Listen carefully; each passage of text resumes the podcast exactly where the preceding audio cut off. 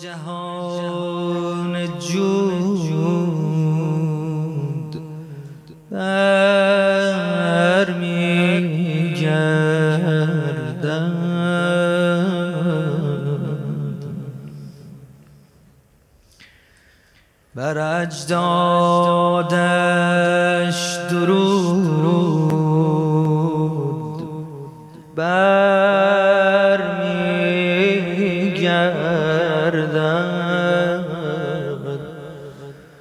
مردی که شنیده اید غیبت دارد.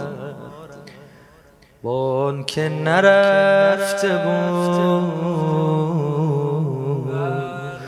هر میگردد.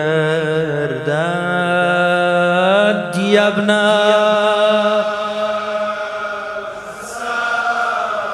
یبن الحسن. آجرک الله سیدی.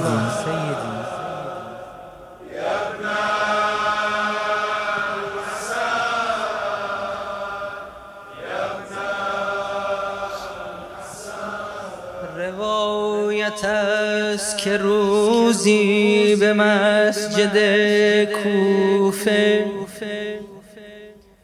نشسته بود حضور پدر علی اکبر.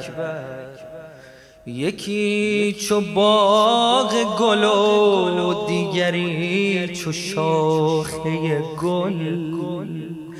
یکی چو شمس فروزنده و یکی قمر. پدر نگاه به ماه رخ پسر می کرد پسر به روی پدر داشتی همار نظر. در آن میانه علی کرد خواهش انگور. ز سید و شهدا آن امام جن و بشر. بابا جان دلم هوس انگور کرد. نبود موسم انگور تا ولی خدا. دهد ز مهر و وفا خوشه‌ای به دست پسر. در آن میانه خلایق نظاره می کردن. چگونه می شود آرام آن نکو منظر؟ بابا جان. انگور می‌خوای چشم. کنار مسجد کوفه درخت خشکی بود؟ که از گذشت زمانش نه برگ بود و نه بر امام. جان. امام دست مبارک بر آن درخت نهاد. که شد ز معجز دستش دوباره سبز شجر. عیان به شاخه او گشت خوشه انگور. چه خوشه که همه حبه های آن گوهر. روزه همینه به دست خیش ورا چید و دانه دانه نمود. نهاد در دهن پاک آن فروغ بسر نخواست تا که عزیز دلش شود غمگین. برای خوشه انگور حجت داور. خیلی طولانی این روایت رفقای من نوجوان ترا یه وقتایی مواظب باشیم از بابامون چی می‌خوای. خدا نکرده خدا روزو نیاره بابا خجالت زده بشه. یه خواهشی کنی نتونه برات کاری کنه. خیلی مهم عزیزم. فتاد باز دلم یاد روز آشورا ز لحظه ای که علی آب خازان سرور. ندانم که به فرزند فاطمه چه گذشت. فتاد چون نگشت بر لبان که پسر. دو دید تارو دو لب خشک و تن همه مجروح. صدای الاتشش زد به قلب باب شرر. نبود قطره یابی که تر کند لب او. کشید خجلت و آهش به آسمان زد سر. دهان گشود و به گفتا زبان بیار علی. زبان نهاد علی در دهان خشک پدر. پدر مکید زبانی که بود چوبه خشک. پسر گرفت لبی که سرشک بودی تر آخ بمیرم. نگاه زینب کبرا به اشک چشم حسین. نگاه حضرت عباس بر علی اکبر. چو جان زخیش علی را جدا نمود. امام. تو گویان که زدی مرغ روحش از تن پر. بگفت ای پسرم باش و سوی میدان که آب بر تو نگه داشته است پیغمبر برو که منتظرت ایستادن. سپایا که پار پار شود. جسمت از دم خنجر. برو که خواست از من خدای حی ودود تو پیش دیده من مثل گل شوی پربر. هزار حیف از آن مصحف شریف که شد ورق ورق همه از تیر و نیزه و خنجر. کسی نبود که زخمی بران بدن نزند. دلی نبود که سوزد برو در آن هزار زخم به یک تن چگونه شهر دهم هزار قاتل و یک کشته چون کنم باور.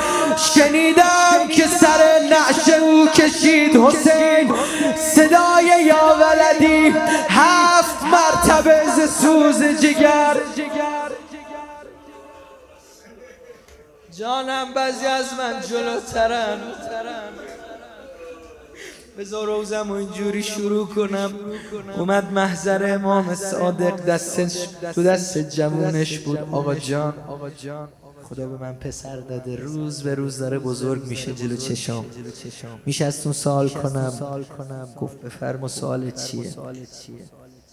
گفت بزرگترین نعمتی که خدا به من داده چیه؟ امام یه نگاه کرد به جوونش گفت ببین خدا چه جوونی به داده. این جوون داره روز به روز جلو چشمان بزرگ میشه بزرگترین نعمت اومد بره گو آقا یه سوال دیگه هم کنم. سختترین امتحان من چیه؟ گو همین جوون جلو چشات پرپرش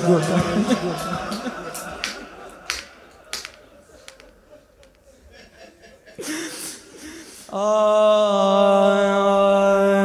سید ابن تابوس له فبرده حتی وقف علی حتی تو معنای عرب حتی غایی است. یعنی تا علی اکبر صدا زد بابا به دادم برس. حسین دوان دوان خودش رو رسوند. صدای علی رو میشنید اما علی رو نمی‌دید. می‌فهمی چی دارم میگم؟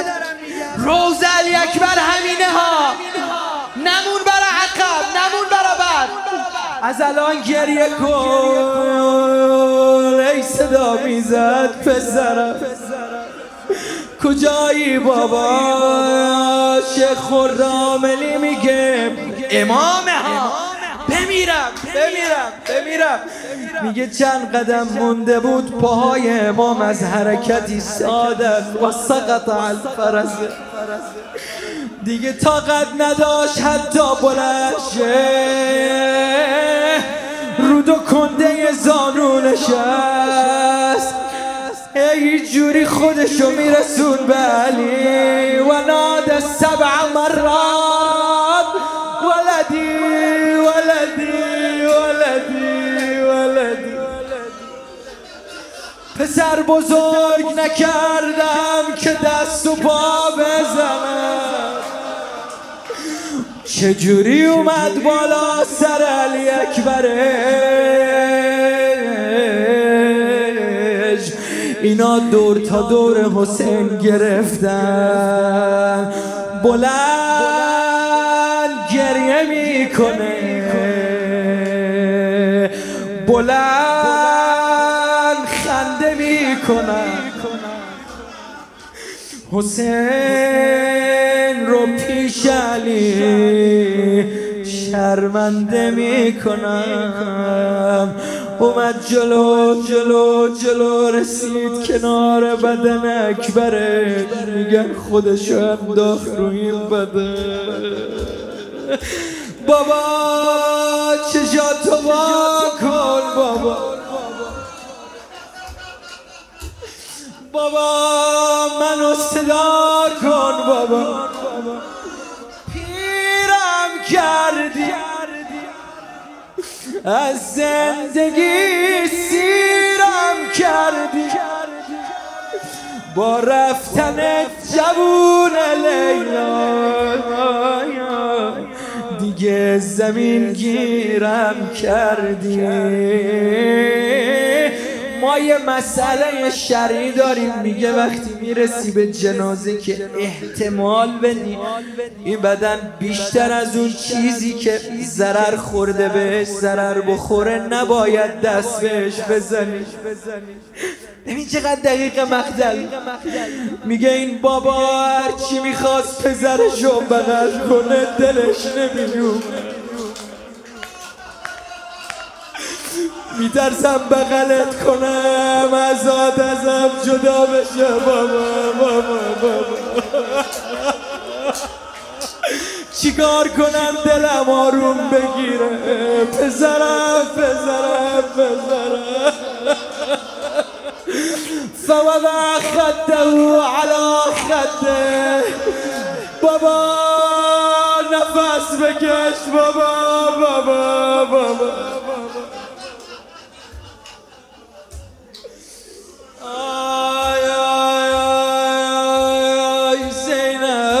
رسید. ای خدا ای خدا.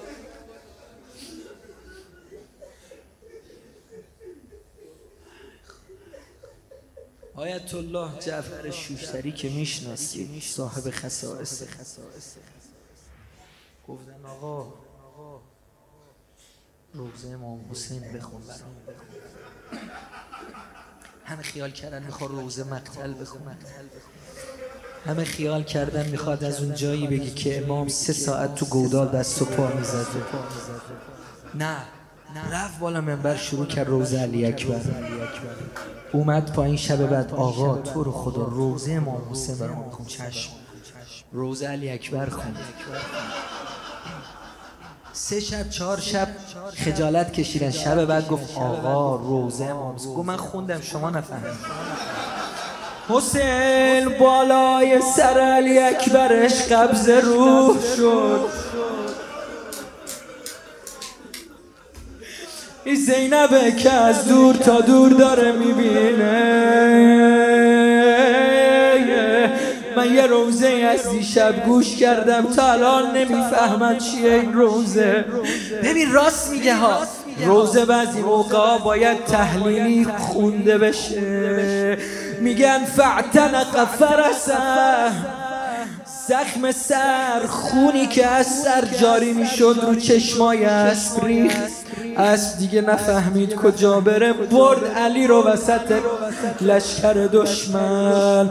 دوره کردن علی اکبر و فقط طعو بی سیوفم اربن اربا یعنی تا تونستن شب رو بالا بردن. ببین مقتل میگه. علی قاعدتا باید بدنش وسط لشکر دشمن باشه. امام بخواد بیاد مرده.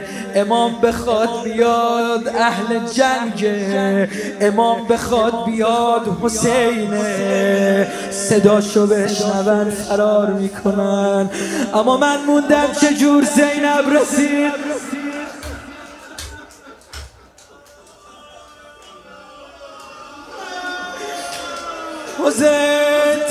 نمی‌خوره. عزیزم عزیزم عزیزم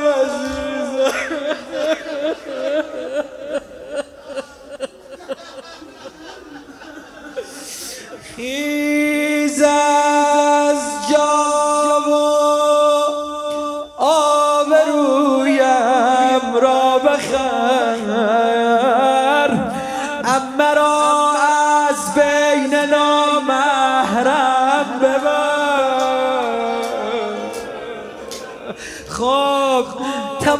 شد روزه من. چی بگم بیشتر از این؟ بگم براتون حتی دو نفری نتونستن علی رو بلند کنن. مجبور شد صدا بزنه جوونا بیاد. عبا رو کنار زد رو زمین انداخت. علی مجب کنید ببریمش خیمه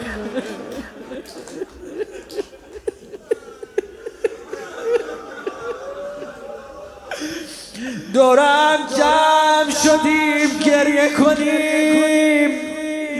ما برام تنی که آخرش جمع نشد. ببرم دلم رفته القمه نمی‌دونم چه سریه. این سه شبه چی می‌خوام روزه رو خد کنم؟ دلم میره القمه آره یه شباهتی داره این روزه با روزه عباس.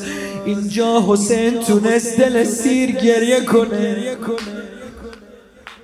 اینجا کسی کار نداشت با حسین. اما القمه میگن چند لحظه بیشتر نتونست بالا سر عباس بمونه. هیچی جاجو با می‌کرد حسین؟ الان که حمله کنن به خیمه ها برگرد. بزایی بدن اینجا بمونه تو برگرد برگرد برگرد. نه کسی بود بتونه کمک حسین کنه بدن عباس و بیاره. نه کسی بود کمک حسین کنه حسین رو برگردونه. آه.